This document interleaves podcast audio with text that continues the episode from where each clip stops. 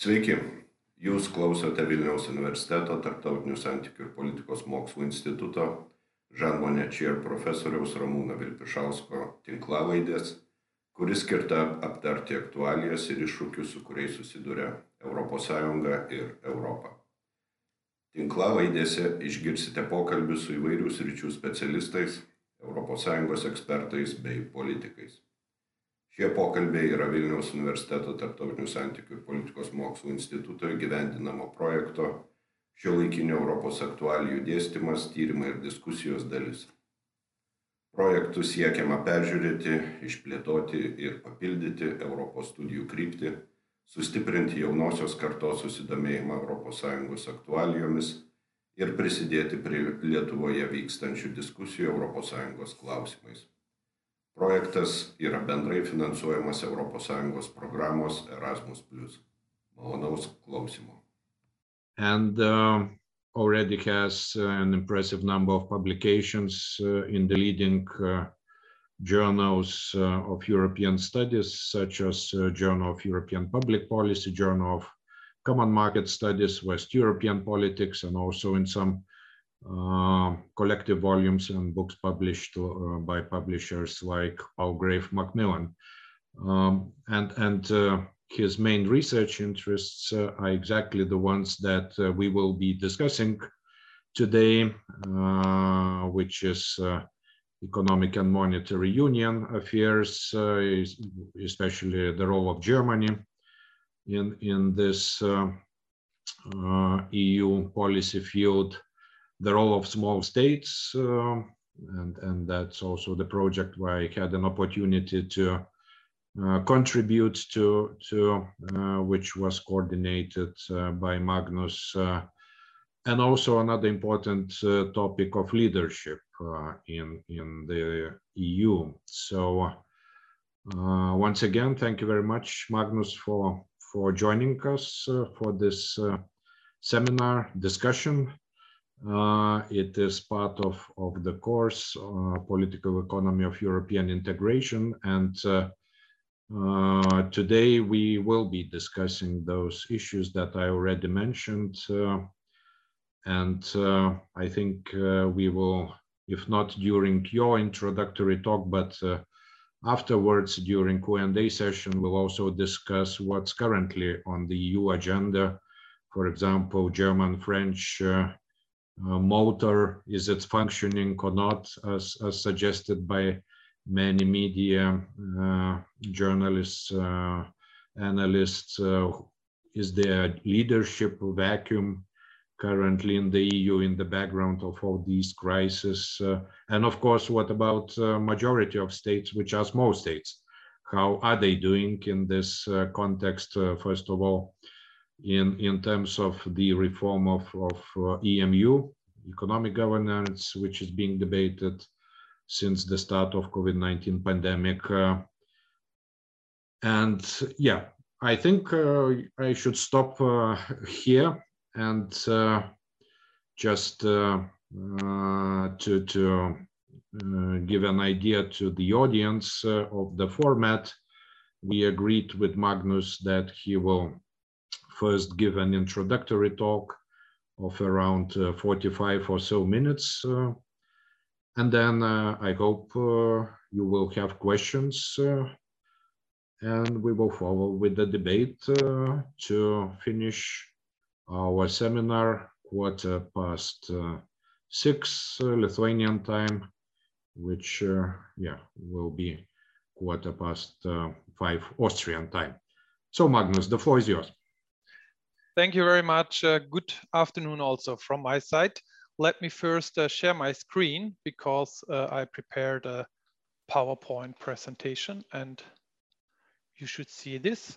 I hope you can see my presentation now. Okay, excellent. Yes. Um,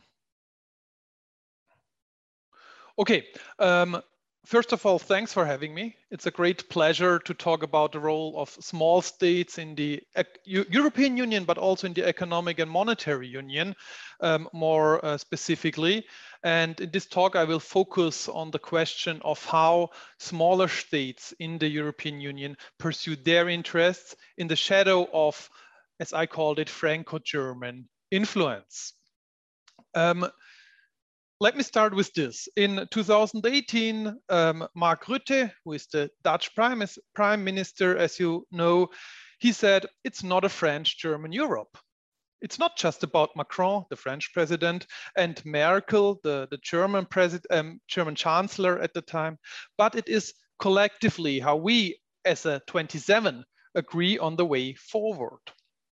So when you read this, you may wonder why does Mark Rutte, the Dutch prime minister, think that it is necessary to emphasize that this is not a French-German Europe? Isn't that obvious? Um, each member state has a commissioner in Brussels. Each member state uh, has their votes in the, in the Council of the European Union. And each member state sends um, parliamentarians to the European Parliament. So why would you even have the idea that this could be a French-German Europe? To put it in a nutshell, um, the idea might be this. France and Germany are both founding members of the European Union. They are the largest member states of the European Union, and very often they are on opposed sides of the preference continuum, of the interests that you can have if it comes to European integration. And precisely because they are very often on different sides um, as regards their preferences, they have to make a compromise. And given that they are so far away from each other, very often the compromise has also included the preferences of many other states that are somewhere in between.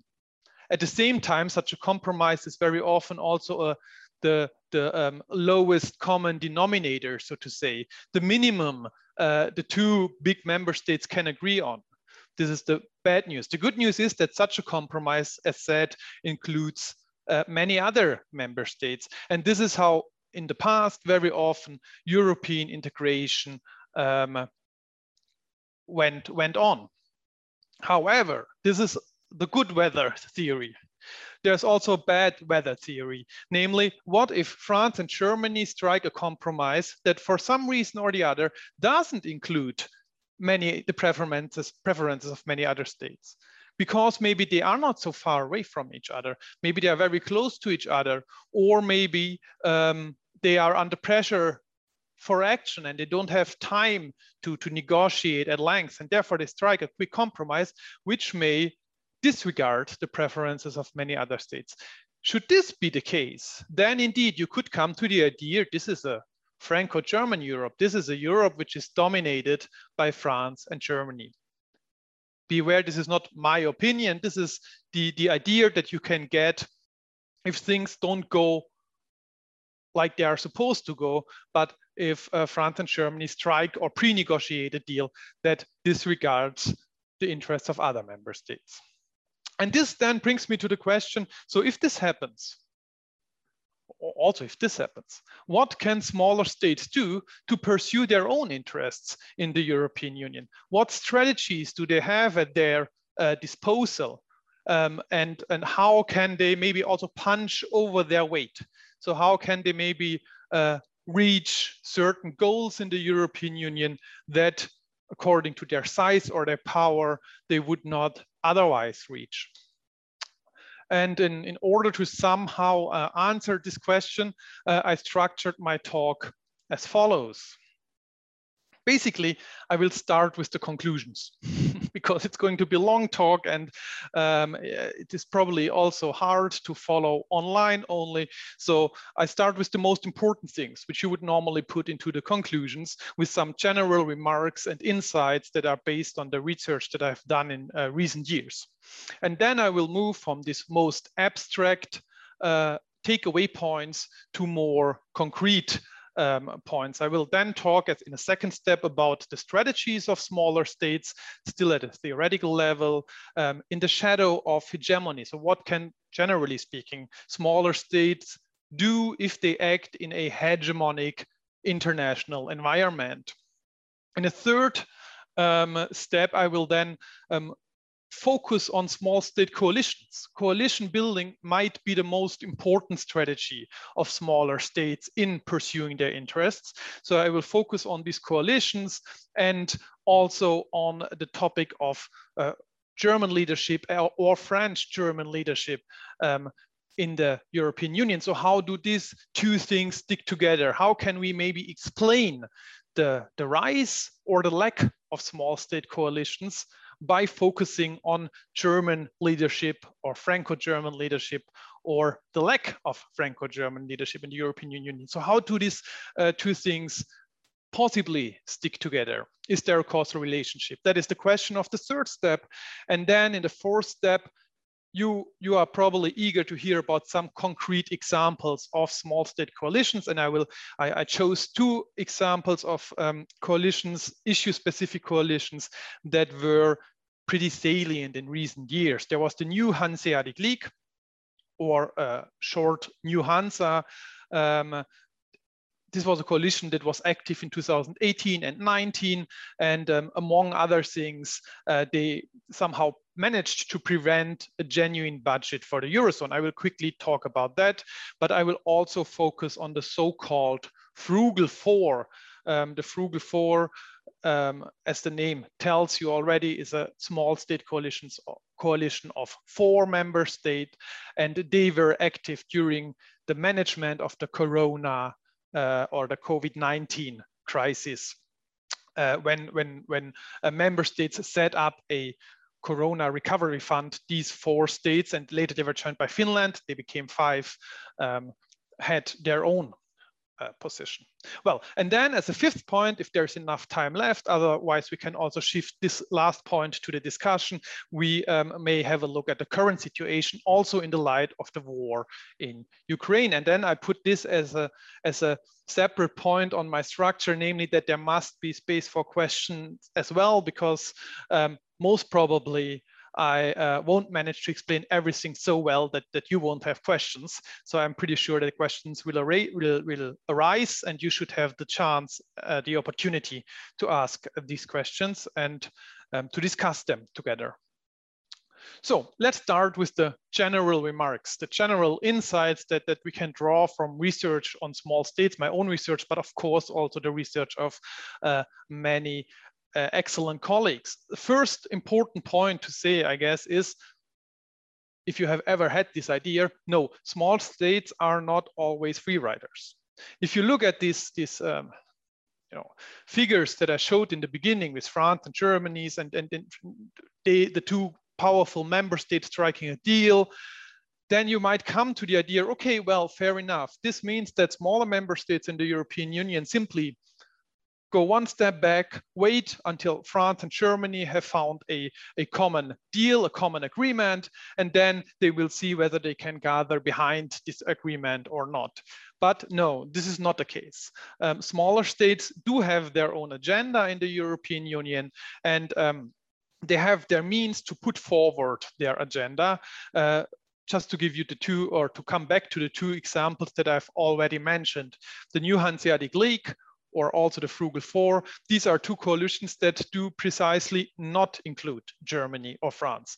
So these are pure small state coalitions. And that shows us that smaller states do not simply free ride on the negotiation efforts of France or Germany. So what else can smaller states then do? Um, smaller states can act as foot draggers. If they are happy with the status quo, or the other way around. If they are unhappy with, with a, a, plan put forward by Germany and France or by any other powerful member state, they can direct their feet and say, no, this is not where we want to go. We oppose these plans. Let's renegotiate or let's uh, simply um, drop these plans. So they can act as foot draggers, thereby renegotiating or even delaying decision making in the European Union.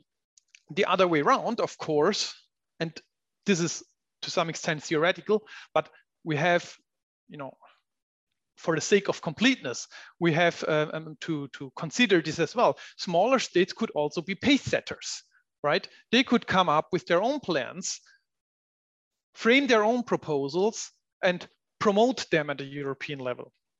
Um, this, I said, it's theoretical because there is relatively spare evidence, relatively little evidence for smaller state acting as pace setters there are exemptions and there are examples also for smaller states acting as pace setters, but it is not something that we would um, observe very often, at least not in, in, in, in, in my, in the field where I'm specialized, namely economic and monetary union.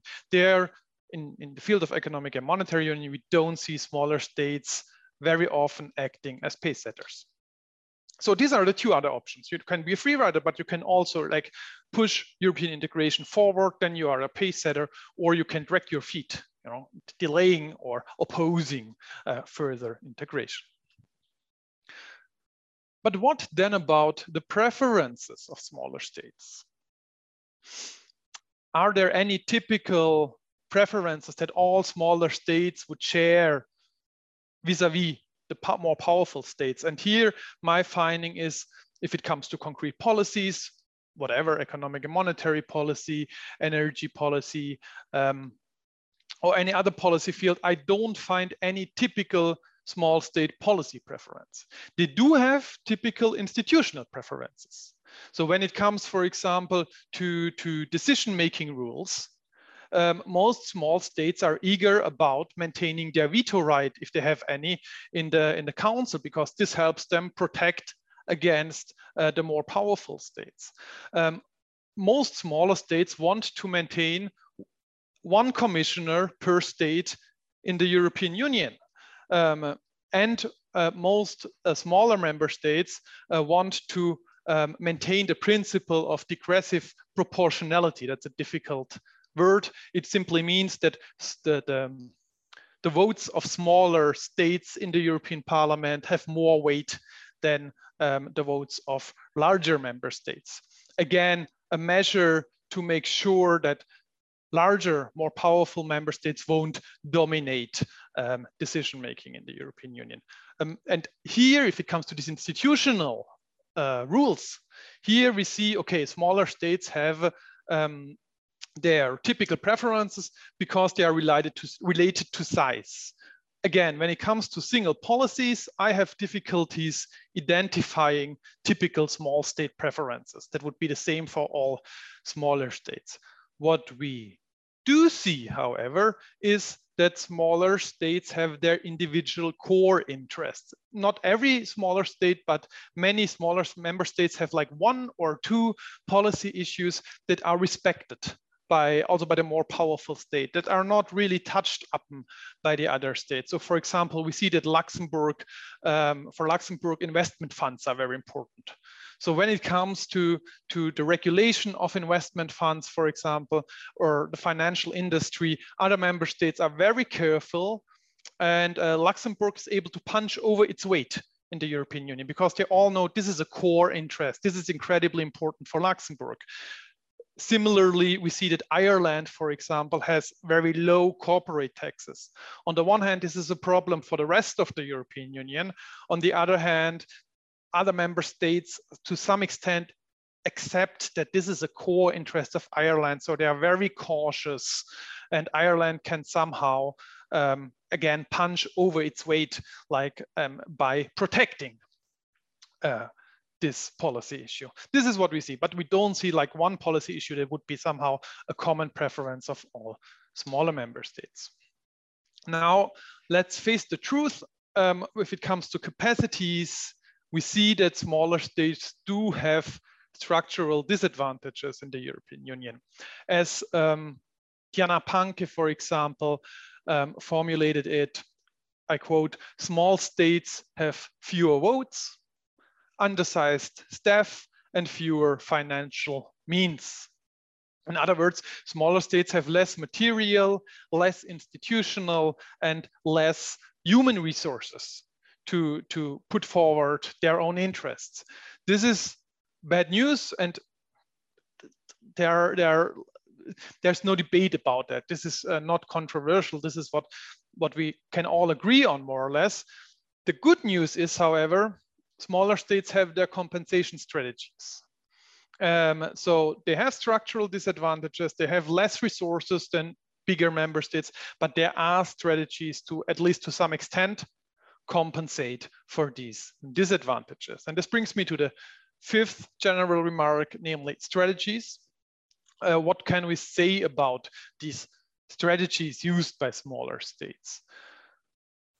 First of all, we see that smaller states do not make systematic use of these strategies. So there's no mechanism like, okay, we have problem A, so we are uh, automatically going to use strategy X, for example, or we have problem B, so we are automatically going to use strategy Y. The use of strategies is rather issue specific. It depends simply on the, on the policy problem at hand, and it is very ad hoc. That is, um, there is no plan when to use which kind of strategies, but um, it, yeah, develops rather organically in an issue-specific ad hoc way when smaller states are going to use a certain strategy or not. What we can say, however, is that um, we find very rare instances of hard bargaining. Hard bargaining, like, you know, delaying, systematically delaying a decision, for example, in order to exert the pressure for all others. Or for example, threatening with a veto. It happens, but it really happens very rarely. Um, uh, veto threats, we see veto threats, we almost never see that a smaller member state would use its veto that it formally has if it is a decision under unanimity. So most smaller member states abstain from hard bargaining what they do, however, I anticipated it already, they um, build coalitions.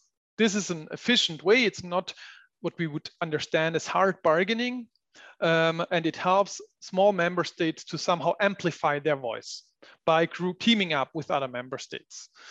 Um, and a second um, strategy that I have seen, especially in the field of economic and monetary union, but I have an intuition that it's the same also in other policy fields, if smaller member states promote their interests in the European Union, they do so very often by channeling arguments through personal relationships. So for example, a leading um, um, official in a small state um, may contact another leading official in, an, in, a larger state, for example, or in the European Commission, maybe um, a, a person that that that this official regularly meets in Brussels or so, and then they may exchange arguments in order, and this is not just for the sake of exchanging arguments, but also to promote their own interests. So this can either be technical arguments.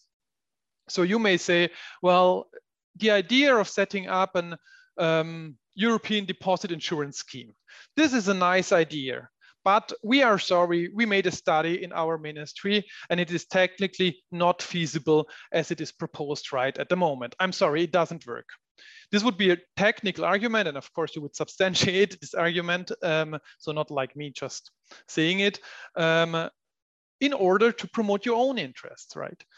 Or if we don't see technical arguments, we also see normative arguments. I mean, especially now in the light of the war in Ukraine, we may come to that again later in the discussion. Of course, you can also say, um, well, this may be a good idea, but you cannot do it for, you know, for normative reasons. You cannot do it because it is, for example, morally not acceptable. It would give it, it, it would give us all a certain gains or not, but it is morally not acceptable. Um, with regard to climate policy, we see this kind of normative arguments as well, for example. So we either have technical or normative arguments that are exchanged through personal relationships between uh, ministers or leading officials, um, which help smaller states to promote their own interests in the European Union. Now, what does that tell us about the roles that smaller member states can assume in the European Union? What we see very often is what I call in, my publications also fence sitting. You could also call it free riding. Fence sitting, I mean, metaphorically speaking, you sit on a fence and you look what the others do and you let the others fight or do whatever they do.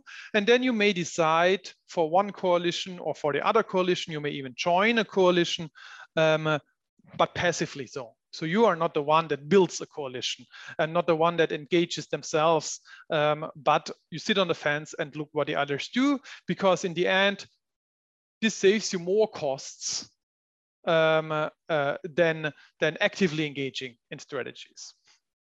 What we see more rarely is pace setting. I've already said this before. That is that smaller states go first, that they move first and present uh, their proposals how European integration for all 27 could go on. This happens relatively rarely, to be honest. If it happens, we have seen the Netherlands, for example, in the context of economic and monetary union, rarely also Austria, um, still trying to set the pace. If that happens, these are normally in the, at least in economic and monetary union, detailed technical proposals right? You wouldn't come up as, as, as Austria or not even as the Netherlands with the big vision of how to reform the entire economic and monetary union. That doesn't happen. I mean, at the moment, not even uh, uh, Germany does it. France sometimes does it.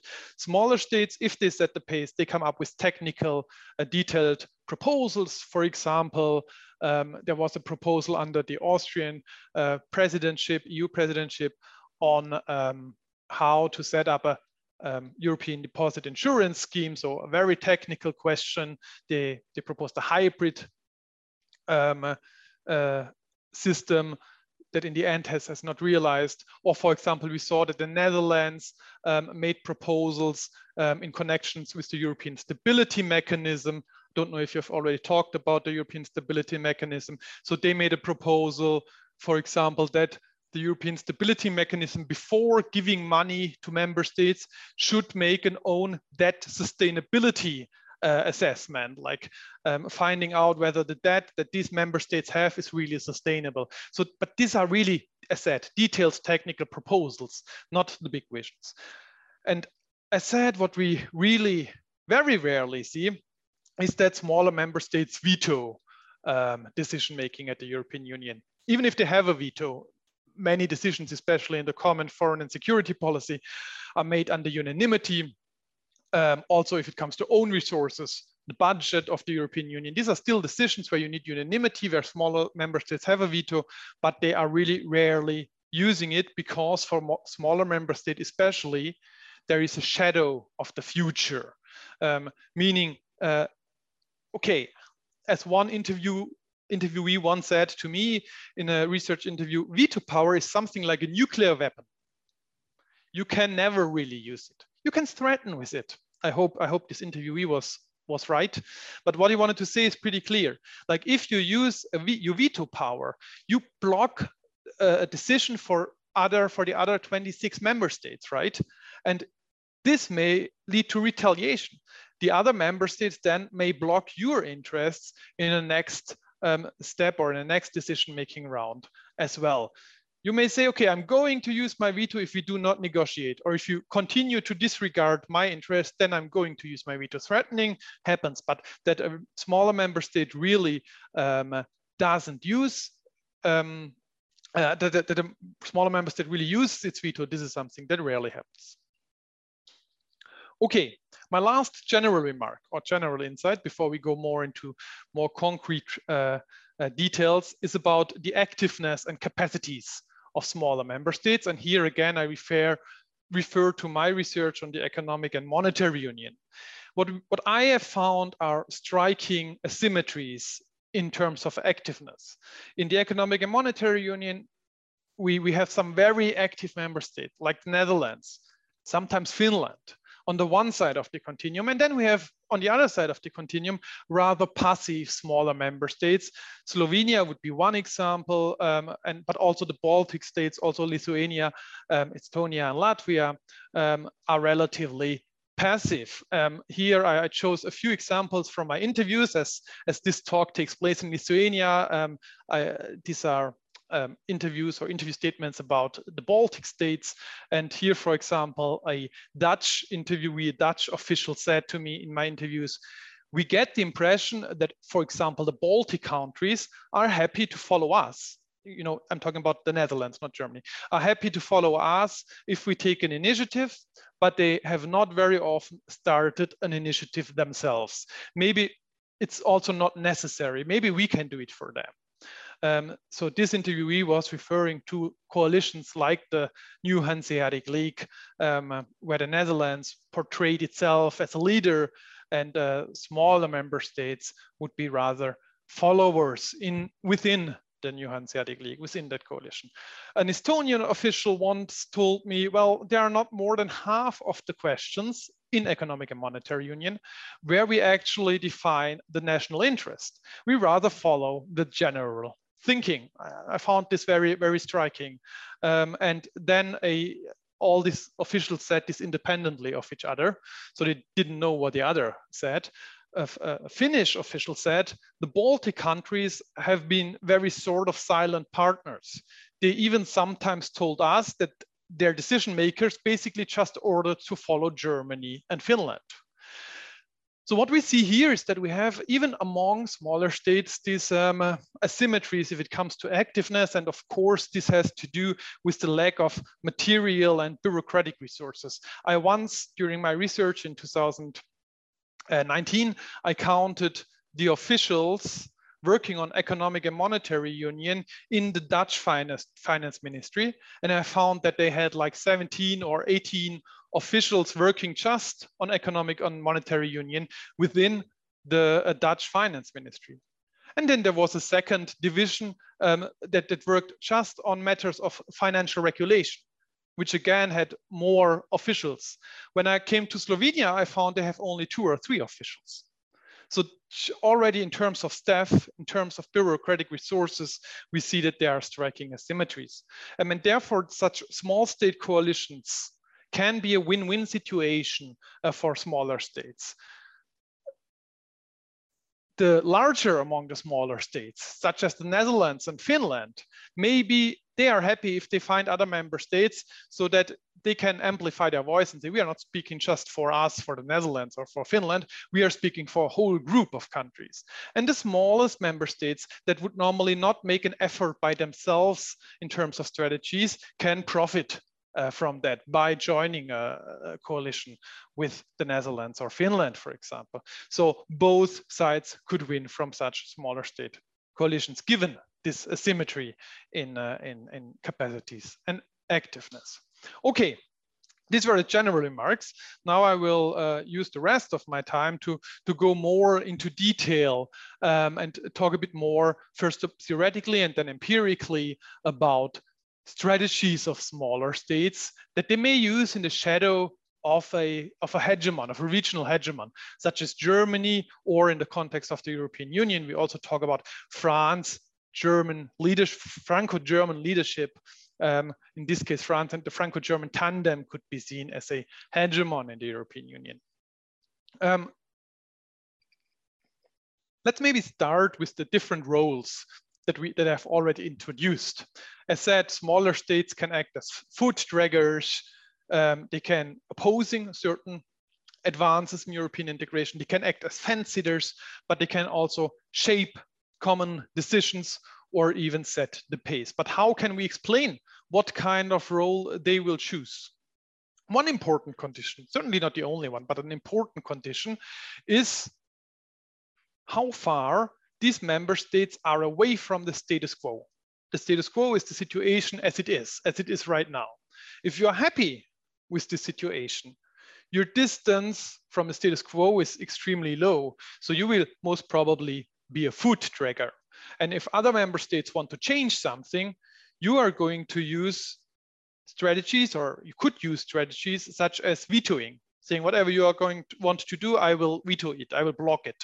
You can just thread with a veto. You can build a counter coalition, you know, trying to block it together with other member states, finding finding member other member states that uh, want that, that like the status quo as well. But you can, I won't go through all of these strategies. You could also, you know, try to lobby or um, um, to argue, as I said before, using theoret um, um using normative arguments or technical arguments. Anyways, if you are maybe not so happy with the status quo, but happy enough, if you say, for me as a country, it is most important to be part of the economic and monetary union, to be able to use the euro, so that other questions, more detailed questions, whether, you know, um, the ESM will be reformed or not is not so important for me, right? Then you might be, be a pace a fence sitter because the costs of the status quo are not so high as the costs that you would have if you engage in strategies, because then you need to build networks, you need to build up the expertise and everything. This is costly. It costs human resources, it could it, it costs time, it costs uh, material resources, money. Um, so it might be better to just wait and see what happens and then join the right coalition. However, if you're even further away in terms of preferences from the status quo, if you really suffer under the status quo, if you want to change things, it is probably not enough to just sit on the fence. And here again, you have a whole range of strategies that you might use. And again, in the interest of time, I can't go through each strategy. But for example, to pick one or two, you can engage in pre-negotiations. So before even you go to Brussels and negotiate in the uh, Council of the European Union, for example, you can contact other member states and try to find a, a possible deal or room for a possible deal and um, possible allies already before um, the negotiation starts. Or I chose a second possible strategy, which is typical for smaller member states. You can act as a broker between the big member states. So this historically, this was a typical role of Belgium. Uh, Belgium, a small member state standing in between France on the one side and Germany on the other side, trying to help finding a, a deal, a compromise between France and Germany, right? And in doing so, in brokering between these two larger member states, they could of course also introduce their own interests into a final deal. So this is a way of co-shaping decision-making um, in the European Union as a small state. And then finally, those who suffer most under the status quo, they have the highest incentives to really not wait until the others are ready, but to actually set the pace. But there are not so many strategies um, at the disposal of smaller member states to do so. They can try to set the agenda. They can try to fill influential positions in the European Union. For example, they could try to send um, the, the president of the European Council, for example, uh, uh, which at the moment, for example, is a Belgian politician. They could try to go on with unilateral action trying to set their own standards and thereby showing leadership by example, showing to others, okay, our standards work well. They work well for us ourselves. So they would work also for you guys. These are ways of somehow setting the pace, but as said, we see that rarely. And for small member states, this is extremely costly. And uh, therefore it is something which is not so likely in the European Union. Now we know what can explain what role smaller member states choose. But how can we explain among all of these strategies that are listed there, among all of these strategies, how can we explain what kind of strategies smaller member states are likely to use. Here, I argue in my, in my own work together with Gerda Falkner um, that the power asymmetry between a smaller member state and a possible hegemon, let's say Germany, is, for example, Germany is more powerful than the Netherlands, but the power asymmetry between these two countries is not so big as the power asymmetry between, let's say, Malta and Germany, which is way larger. If you have a relatively small power asymmetry, it may make sense to use bargaining strategies, such as threatening with a veto, building coalitions to block decision making, um, because you may have an impact on the hegemon. You are already quite powerful, even if you're not as powerful as the hegemon. So your bargaining strategies are credible to the hegemon.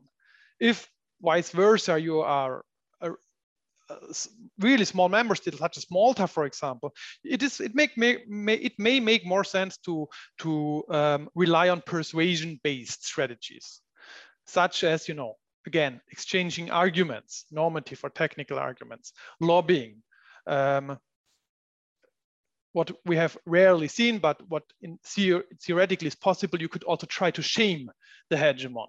Like, you know, for example, especially with normative arguments, um, saying publicly, see, on the one hand, these politicians say that we have to support Ukraine at all costs, but on the other hand, they don't deliver weapons.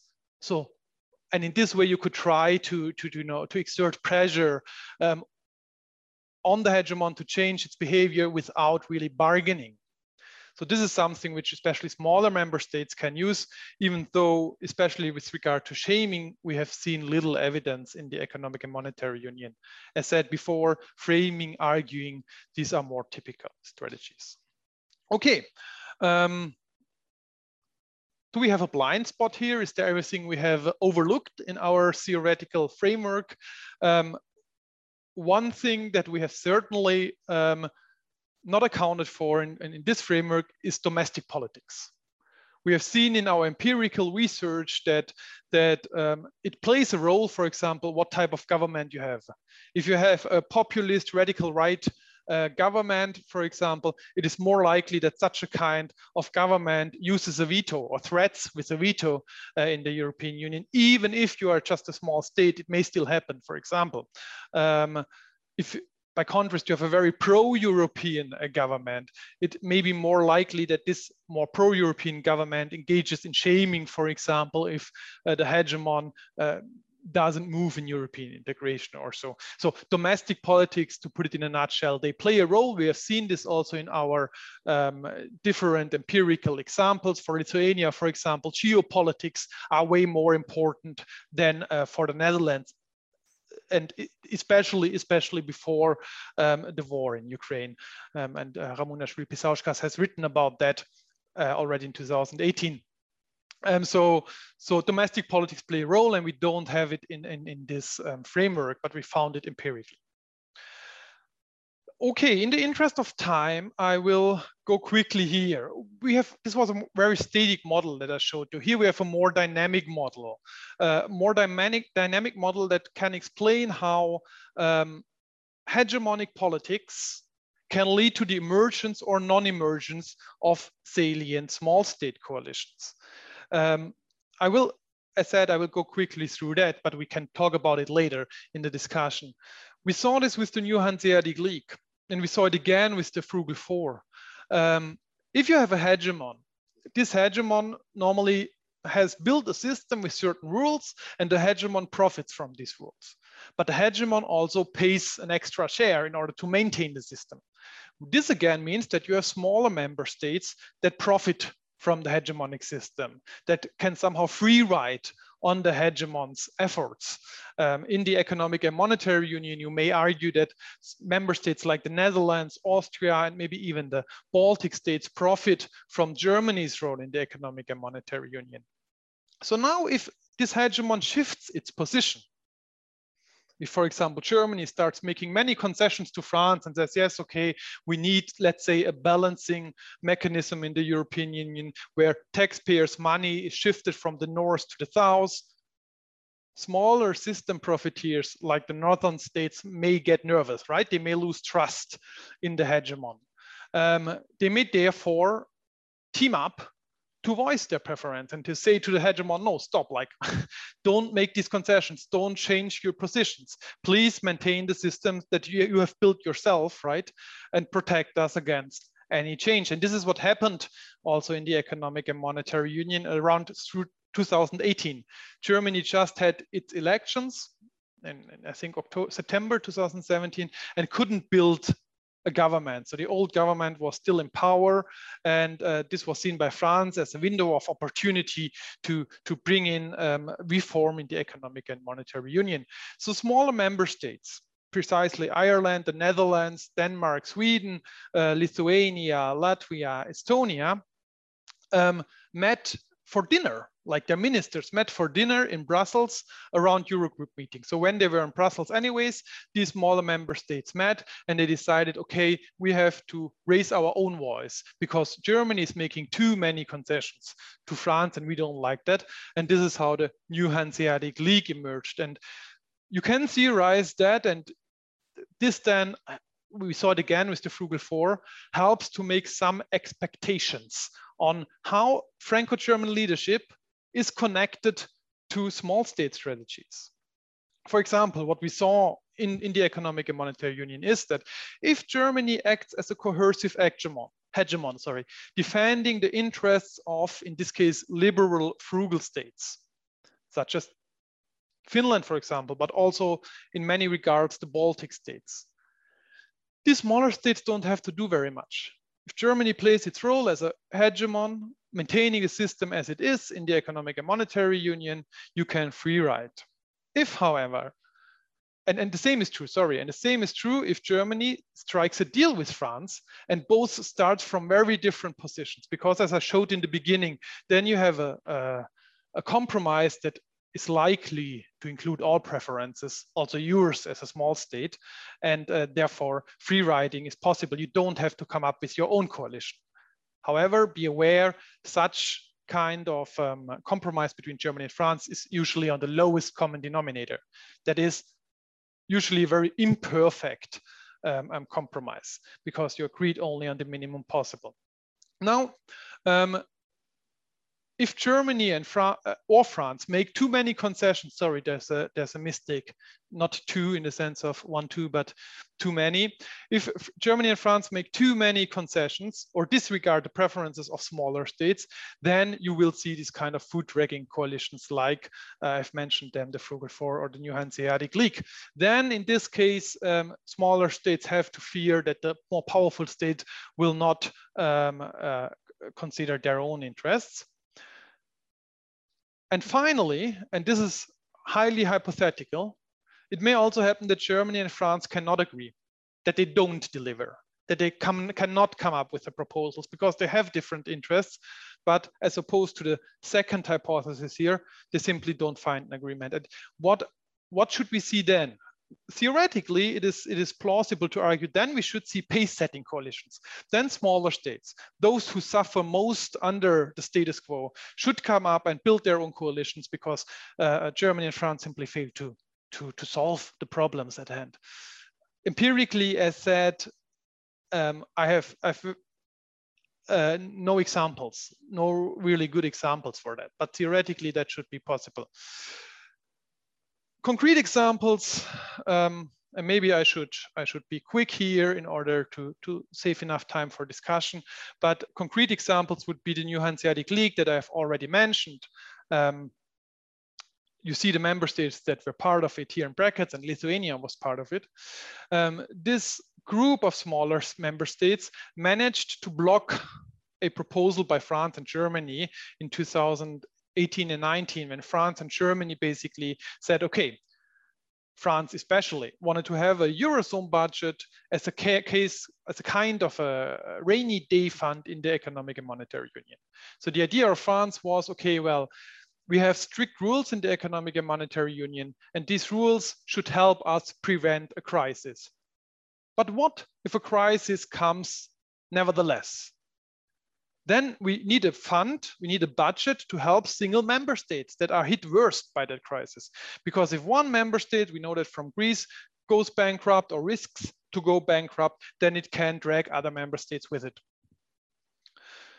So we need a Eurozone budget. Germany was hesitant in the beginning, was skeptical, but then it said, okay, well, we can have a very small Eurozone budget under certain conditions. And here, these other smaller member states said, no way, we are not going to have that. We, we don't want to have a Eurozone budget and uh, our own taxpayers' money then goes from the north of the Eurozone to the south of the Eurozone because these member states in the south are way more likely to get into a crisis than we in the north. So no, uh, what you can have, they said, is the so-called BIC, the um, budgetary instruments for convergence and convergence and competitiveness. This is very different from a Eurozone budget though. They said it's kind of a Eurozone budget, but it has nothing to do with the Eurozone budget. The idea, and you will forgive me if I simplify now, is every member state gives a share of money to the European Commission. Then the Euro Commission, European Commission collects this money. It doesn't do anything with it, it collects it.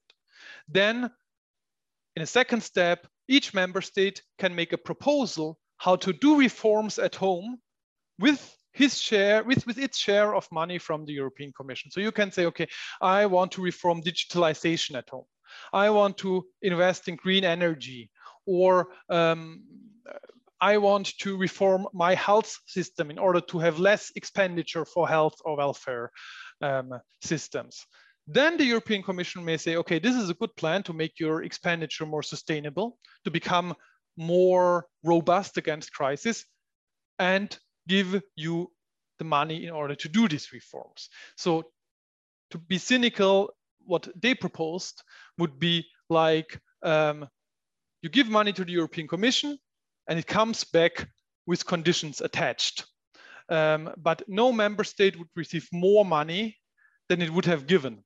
Very different from the Eurozone budget, from the stabilization tool that was proposed by Germany and France. So and this was a way then of, of, for the new Hanseatic League to basically block, to basically kill the Eurozone budget proposal. Then the Corona crisis came and they even dropped uh, the BIC because they had other uh, issues and they came up with the new generation um, is the next generation EU fund, the Corona Recovery Fund.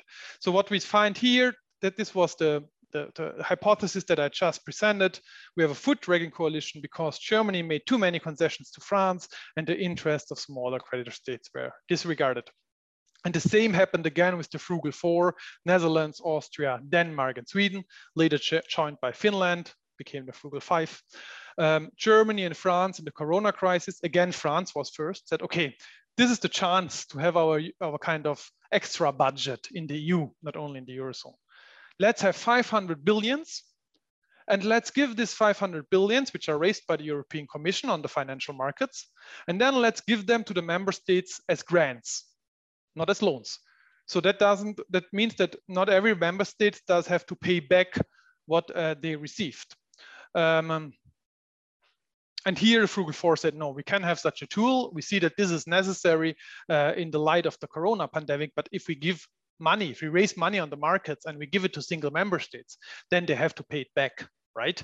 So we can do that based on loans. And in the end, they had a compromise to make it quick they, they agreed on the next generation EU proposal. This was even larger than the proposal by Germany and France. It was 750, not only 500 billion, but the 360 billions of it were loans. So the share of grants were 390 billion, was smaller than what was originally proposed by Germany and France. Now we can discuss whether this is a victory or not, but we see that they had a had an uh, they left their footprint, so to say, um, this uh, frugal four, this multi-state coalition. Again, the same explanation like with the new Hanseatic League. Germany made too many concessions to France and smaller interest, smaller creditor states stood up to defend their own interests. I will skip this one. This is just to say um, there can also be small state coalitions that are geographically determined. This has nothing to do or little to do with a strategy, with a strategic tool to advance your interests. This is rather because you, you share the same geographic space and you have the same uh, interests which are geographically determined. Um, and, and there are then other groups which I said I won't go into detail now. I will come maybe um, Ramūnas Vilpišauskas uh, should say, should I talk myself now about the current situation or should we leave that to discussion? In that case, I could also stop here. Um, I think I will check if there are questions from our students or external audience. Uh, do we have any questions?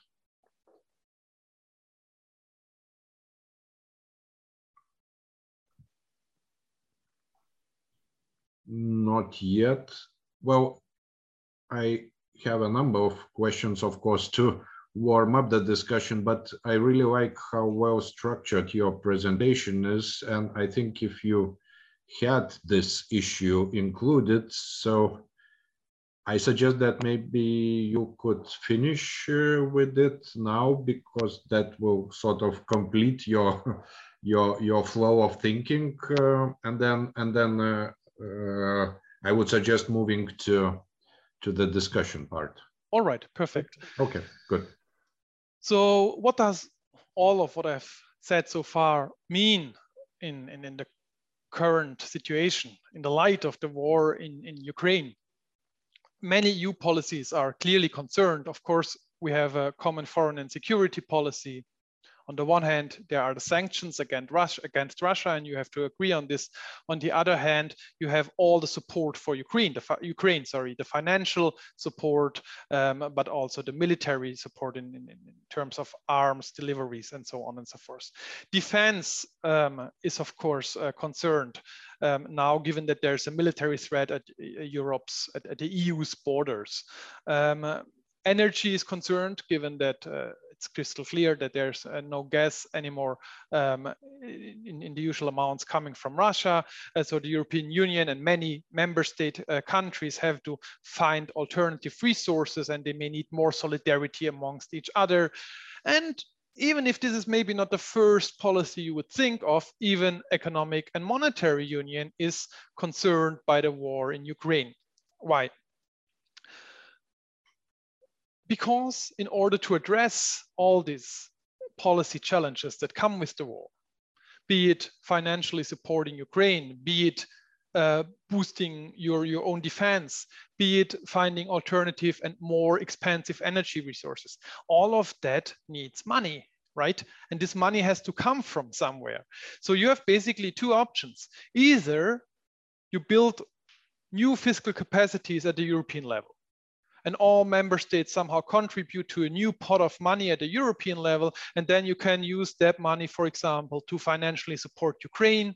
You could use that money to, to procure uh, new energy resources abroad, or you could use uh, that money to, to um, basically improve your own defense capabilities, whatever. This is one option. The other options, and the two options do not exclude each other, is you make room for maneuver at the national level. For example, by saying, you know that in the European Union, in the Economic and Monetary Union in particular, you have the spending rules. You are allowed to spend only 3% um, uh, of, um, um, of, of, your GDP. Um, so as, as, additional spending in a year. So you, you are allowed, sorry, you are allowed to make only 3% uh, of that each year of your GDP related to your GDP. So this means you have clear spending rules, even if they are suspended right at the moment, but they will come back in one way or the other. So what you could do, for example, you could say, okay, spending in energy, defense, or for example, spending for Ukraine is taken out of these um, spending rules under the so-called stability and growth pact. So this would all be effects on the economic and monetary union that trace back to the war in Ukraine, actually. And indeed, you may say, okay, now, now um, this guy is daydreaming, but um, we see basically, we see that both is in the making. On the one hand, we see that um, member states and also the European Commission started thinking about reforming the current stability and growth pact this is meant by SGP. Um, they just made a, a, a, communication. It's not a legislative proposal. It's just a communication how the Stability and Growth Pact could be reformed. And uh, this would certainly, such a reform would certainly include more space for member states to, to do what is absolutely necessary. That is, for example, um, energy expenditure.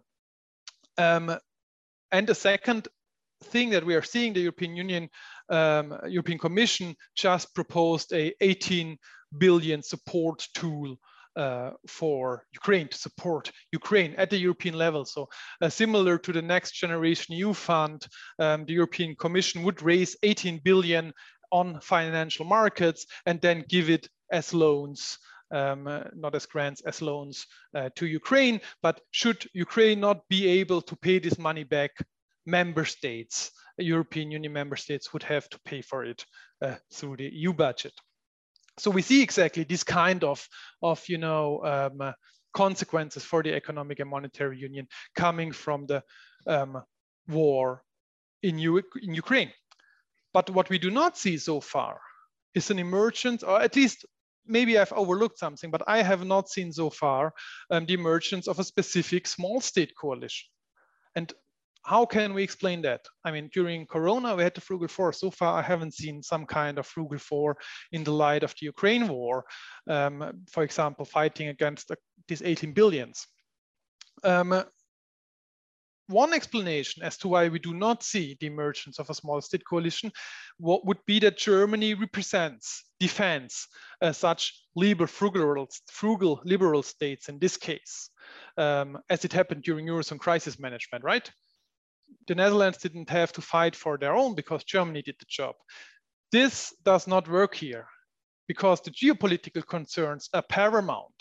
Um, this is not about a divide between creditor states in the north of the Eurozone that uh, want to, to, to uh, be fiscally prudent and, and, and member states in the south of the Eurozone that want to see more solidarity in the European Union. This is not, this is about a different issue. This is about uh, geopolitical concerns and um, therefore you know, it cannot be Germany representing liberal frugal states, uh, therefore making sure they do not have to make their own uh, coalition. A second possible explanation would be if Germany and France come up with an acceptable deal, even if it's only on the lowest common denominator, they cover the preferences of all other member states, and therefore we don't see a small state coalition. They don't have to make their own coalition because they are happy with what France and Germany do.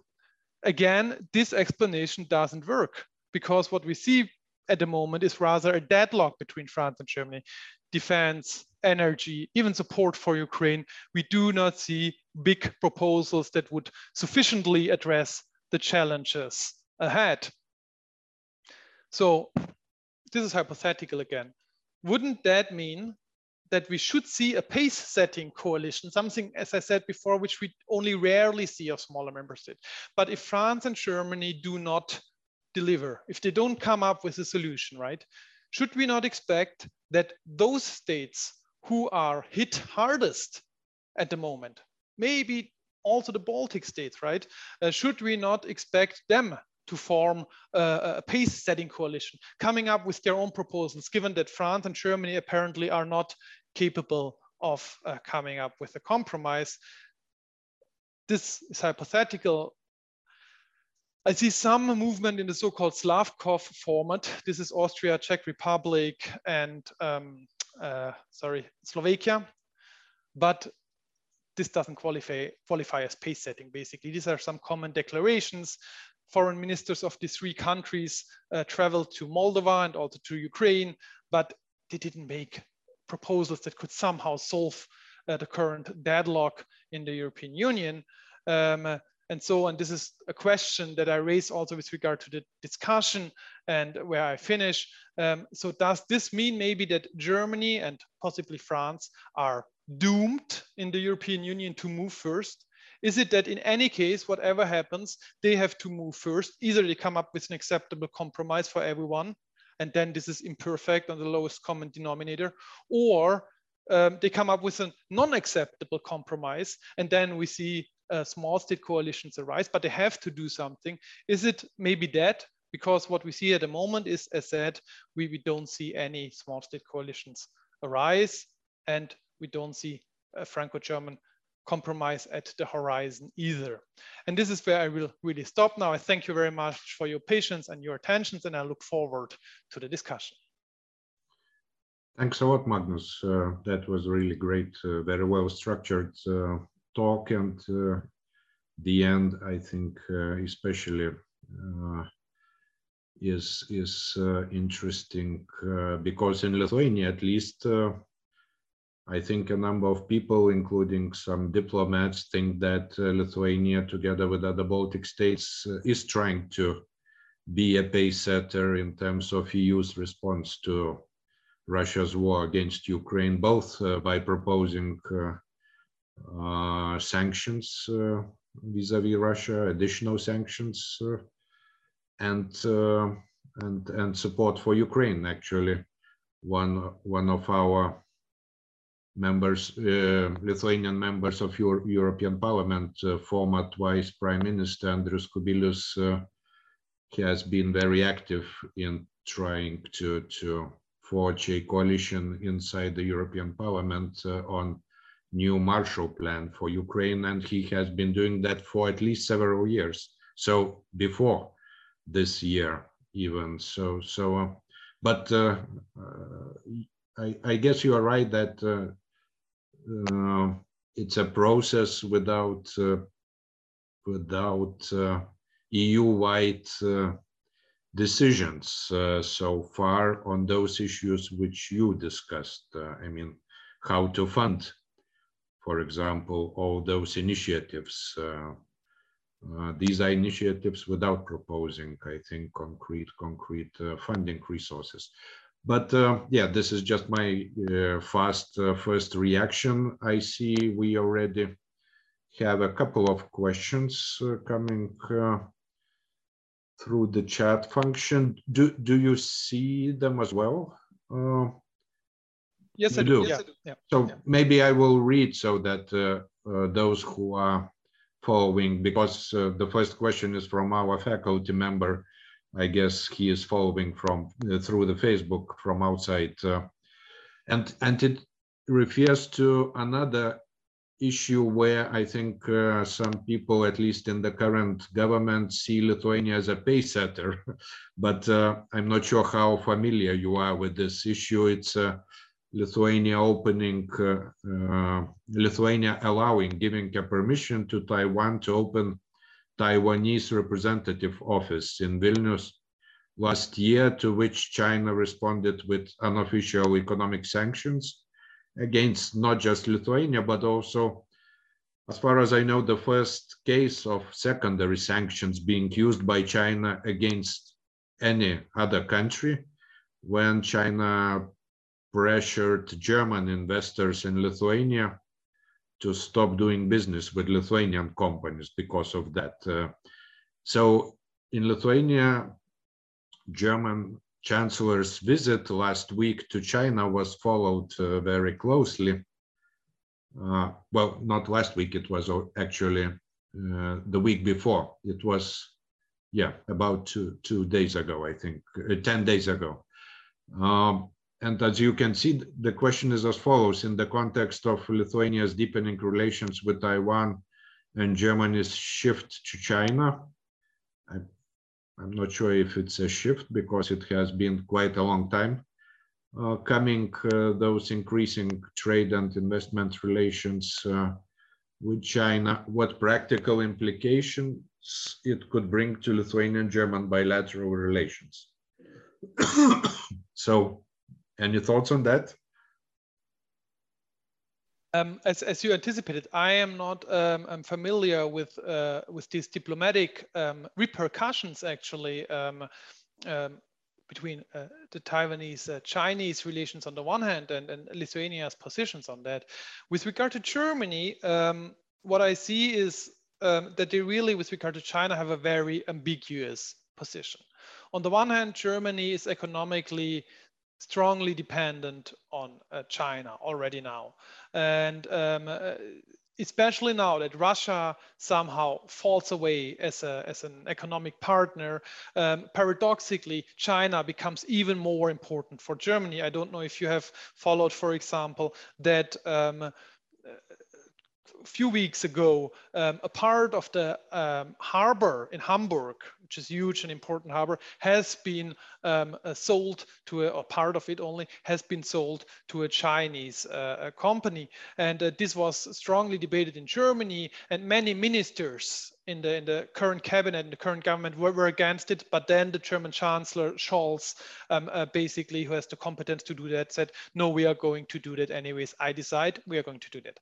So this shows um, that even within Germany, we have this kind of cognitive dissonance of how to deal with China. On the one hand, the strong economic uh, imperative or incentives, and on the other hand, of course, all the normative uh, constraints and also um, geopolitical uh, concerns now uh, as China um, takes only a neutral position with regards to the war um, in Ukraine and vis-a-vis -vis Russia.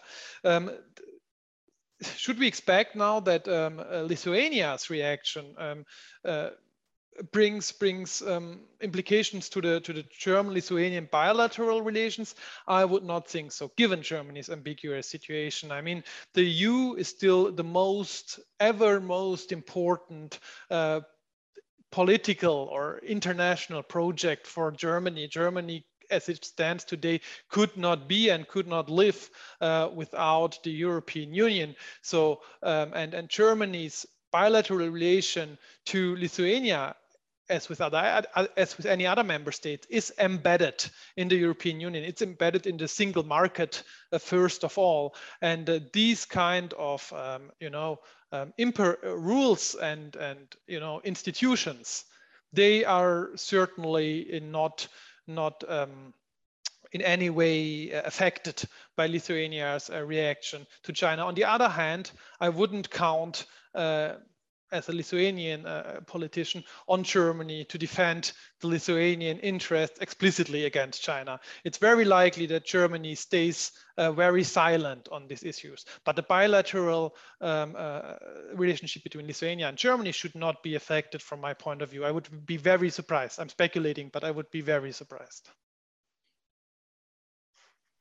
Okay, thank you very much. Uh, the second question uh, is, is yeah, quite similar again about uh, Lithuania's aspirations to be a pace setter on on EU-Russia relationship, uh, and I will read it uh, again.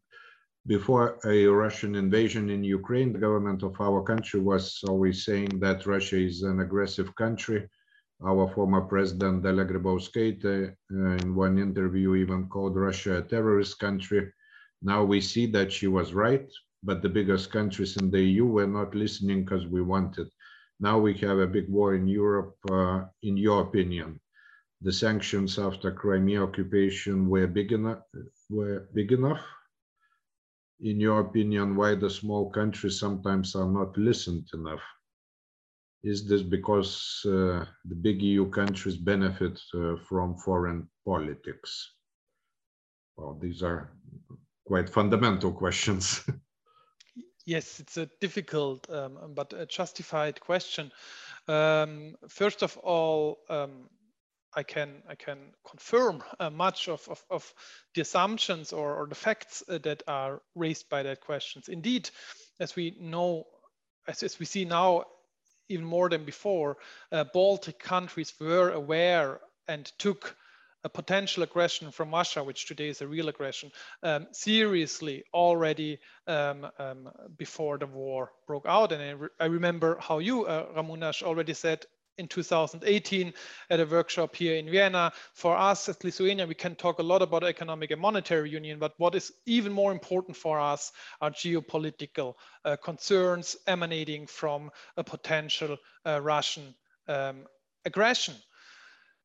Um, so now, I mean, the big elephant in the room here is once again Germany. This is the country uh, which listened arguably less, which even built a Nord Stream uh, 2, the second pipeline uh, to Russia, even even though many um, other EU member states, including the European Commission and including even the United States, right, um, as, as Germany's most important ally outside the European Union. All of them uh, warned Germany and protested and say, um, um, don't do this. Why, why is that? I mean, first, once again, it is because um, and I, am not sure I can give a comprehensive answer here. I will uh, put forward a few thoughts. One thought is um, uh, a material explanation, an interest-based explanation. Um, Germany um, as I said, is very dependent. The German economic model is very dependent on foreign trade. And Russia was a huge foreign trade partner, let alone all the energy dependency, dependency on Russian gas. So this is something I think many uh, in Germany simply didn't want to hear, didn't want to believe um, that here really an, an, aggression could take place because Russia was seen as way too important. And then a second important thing, an ideological factor comes in. Um, Germany has profited a lot from a kind of liberal ideology where you reach peace and stability through um, trade right and the idea is if you if you trade a lot with your partners and this is what we see what we saw happening in european integration um, you become so interdependent that a war becomes simply out of the question. Let's say war between France and Germany today uh, is, is, completely inconceivable because these two states, also because, or mainly because of the European Union, um, are so um, interdependent of each other. The same was thought and believed of Russia. If we only um, include them enough into trade, if they profit from trade as well, not only us, right?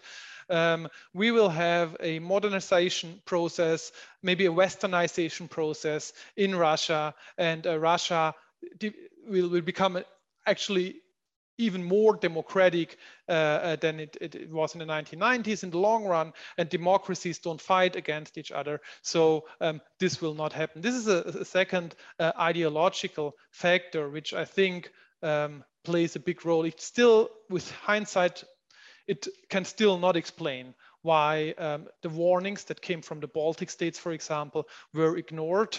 Um, and but you see, even after uh, Russia invaded Ukraine, there was still a debate in Germany um, how to react to that and how to explain that. And the, the ruling Social Democratic Party really had to somehow uh, reform and rebuild uh, their own narrative about Russia because um, there were many politicians, most importantly, the ex-chancellor Gerhard Schröder, um, who even now, right, uh, is, is in, in favor of uh, Russia's behavior uh, in Eastern Europe. So I'm, I fear that doesn't really, I cannot really answer comprehensively your questions, but maybe I could give uh, some insights uh, on, on, on, Germany's um, discourse on Russia and Germany's hope, which then uh, unfortunately um, did not become true as, as, as we see very painfully every day.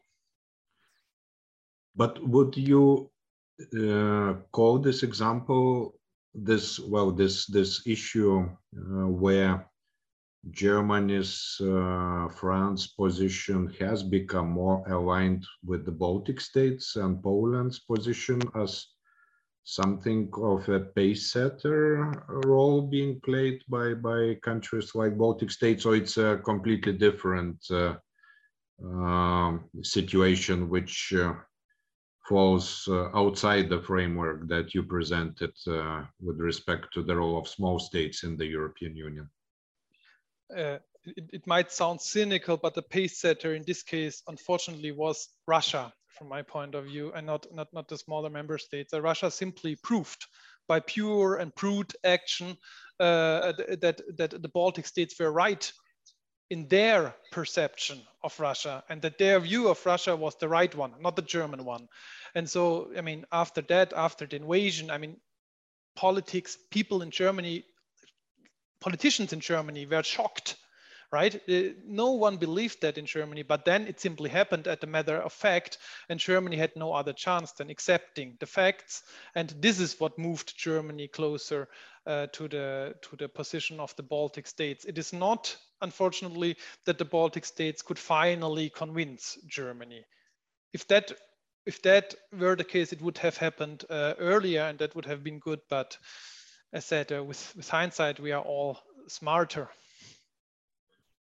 Okay, okay, that's an interesting point.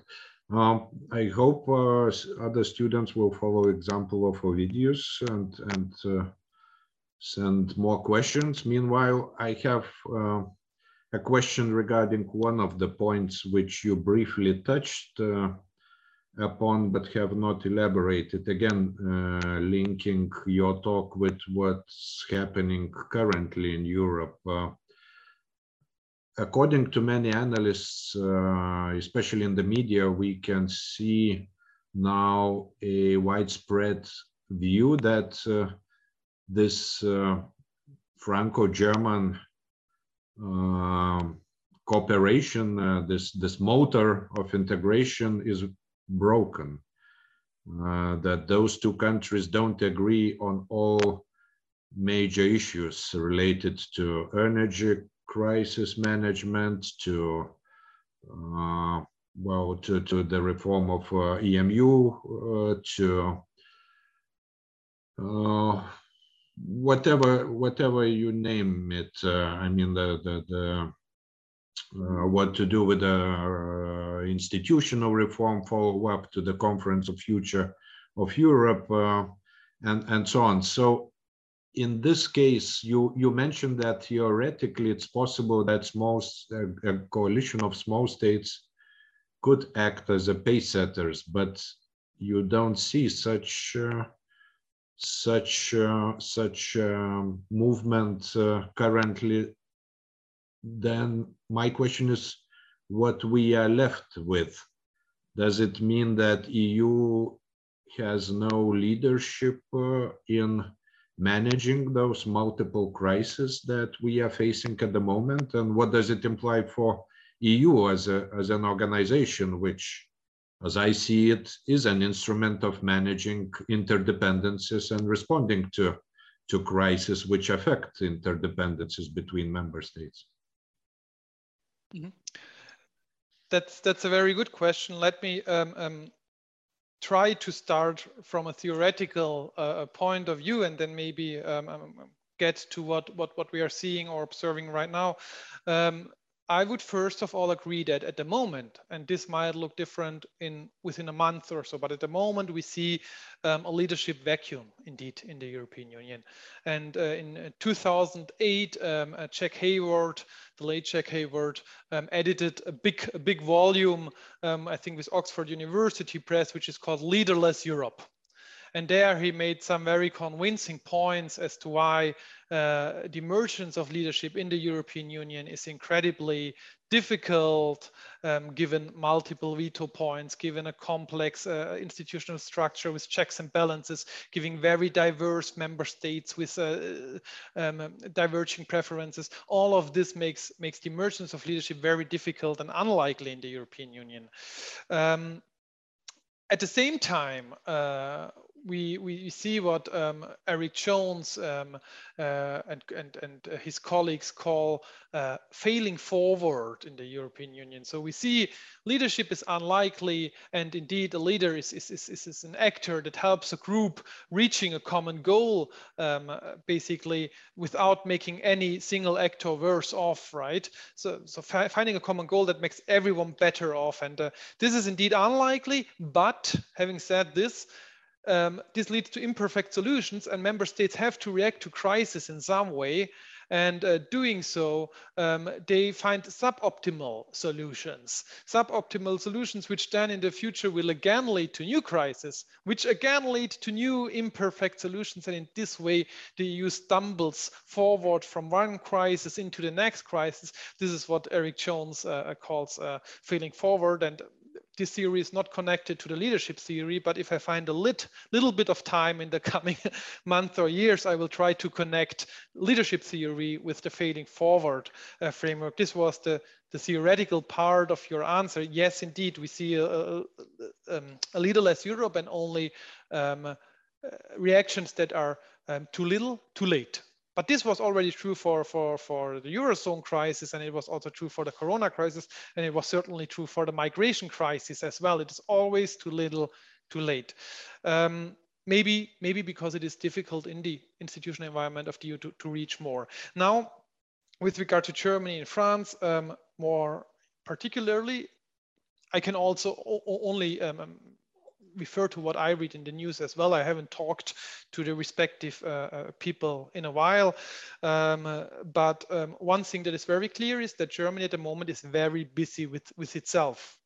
They have this coalition of uh, uh three different parties, uh, partly with very different ideas of how to, to go on in um, European integration. And I've recently heard um, about negotiations at the European level and uh, I think it was about climate. I'm not 100% sure, environment, climate. But Germany sent three different representatives. And even in Brussels, the three different representatives were not always on the same line. So just imagine you have 27 countries and the biggest, most important, most powerful, sorry, most powerful country sends three representatives that even being at the negotiations cannot agree. That just shows uh, how much um, Germany is busy with itself, trying to, to reorient, reorient also its own foreign policy. As said before, um, uh, Germany um, built on Russia, wrongly so. Now they have uh, um, what, what Olaf Scholz, the chancellor, called a Zeitenwende. I don't know really how to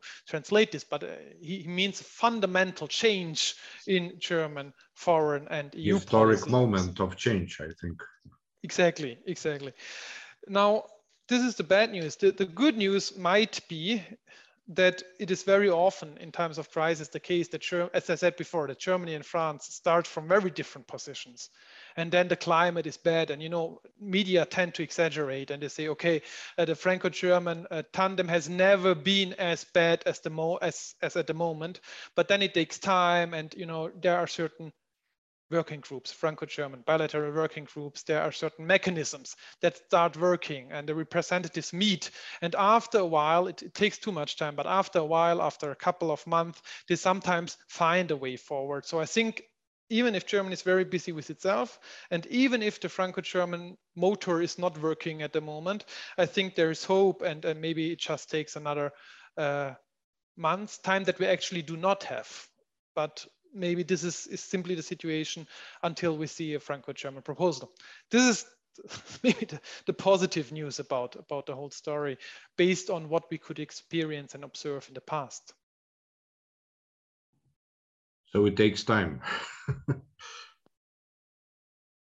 uh, yeah, I, I, wish I could say something more optimistic, but as a matter of fact, we, we don't see Franco-German leadership right at the moment, and we still seem to be far away from, from that for example, like defense is, is, is one policy um, where common European action would be highly necessary. Also, um, uh, uh, with regard to setting up a defense, a joint defense fund or something like that, right? At the same time, as we speak, uh, defense ministers are meeting in Brussels today. Uh, so uh, maybe already tomorrow we can read in the newspapers I'm not super optimistic, but maybe tomorrow already uh, we find uh, some new proposals step by step. You know, EU was always uh, modeling through, um, and maybe tomorrow we find already something more about uh, the European Peace Facility, which is almost it's a pot of 5.7 billion, and it's almost empty now um, because and, and, yeah, defense ministers will try to find a way to fill it up again. At the same time, I read this morning that the um, Commissioner for Internal Market and uh, the High Representative um, uh, Jose Borrell um, suggested something like a joint procurement facility um, for weapons, like it was the case with the vaccines, as you remember in Corona. Um, uh, crisis management, finally the EU uh, procured vaccines for all member states, which was a huge leap forward. If they could do the same with weapons, that would all also be a, a a huge step forward. So I think there is there's still hope, but I would also certainly agree that that this is it is all too little, too late, and maybe this has to do simply with the nature of democracy on the one hand, where always many actors with many different preferences are involved, where also minority opinions are are safeguarded, and and also with the multi-level structure of the European Union, where, we, where you have so many veto players at different levels. So quick, perfect solutions are really unlikely in that environment.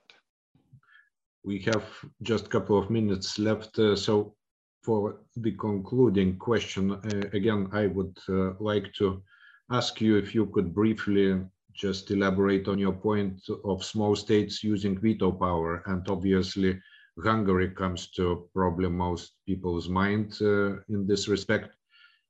Uh, is it uh, a strategy that, well, of course, it's linked to domestic politics, but I mean, uh, do you think it can be used for a longer time or, or such a state, its ruling elite risks becoming irrelevant? But then again, they, they still maintain veto power. So would that lead to differentiated integration eventually?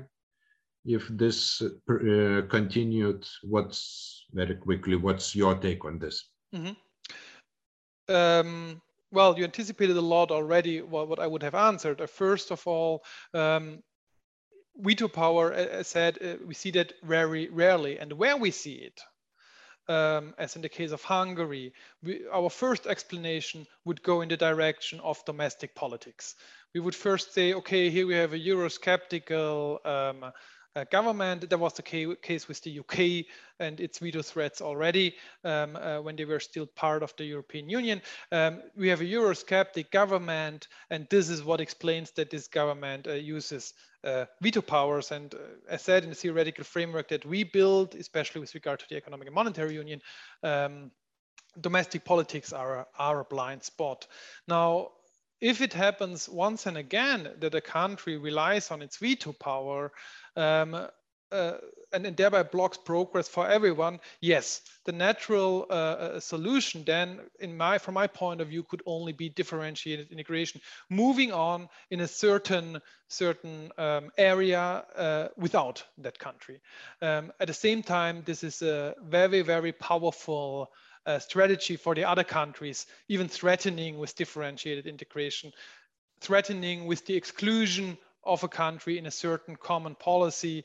Um, uh, this is a very, very strong threat. Uh, therefore, the question is whether countries like Hungary are really, um, let's say, stubborn enough. Uh, I apologize for using that the term uh, in lack of a better term, are really stubborn enough uh, to use their veto power once and again as said, threatening with veto power in order to to um, have more negotiating negotiating weight. In order to you know first threaten with a veto then go back to the negotiations and get more out of it that you would have gotten otherwise. So punching over your weight by threatening with a veto, this is a different thing. This is not using the nuclear bomb, but just threatening with it. And this can be a very uh, powerful tool um, for smaller member states, even without ending in differentiated integration. Thank you very much, Magnus. I hope uh, everyone enjoyed your talk as much as I did. Uh, very, very relevant and well structured uh, presentation and, and thank you for your well thought through answers. Uh, we are out of time, unfortunately. Um, so uh, yeah, uh, I hope we will do that sometime uh, in the future again.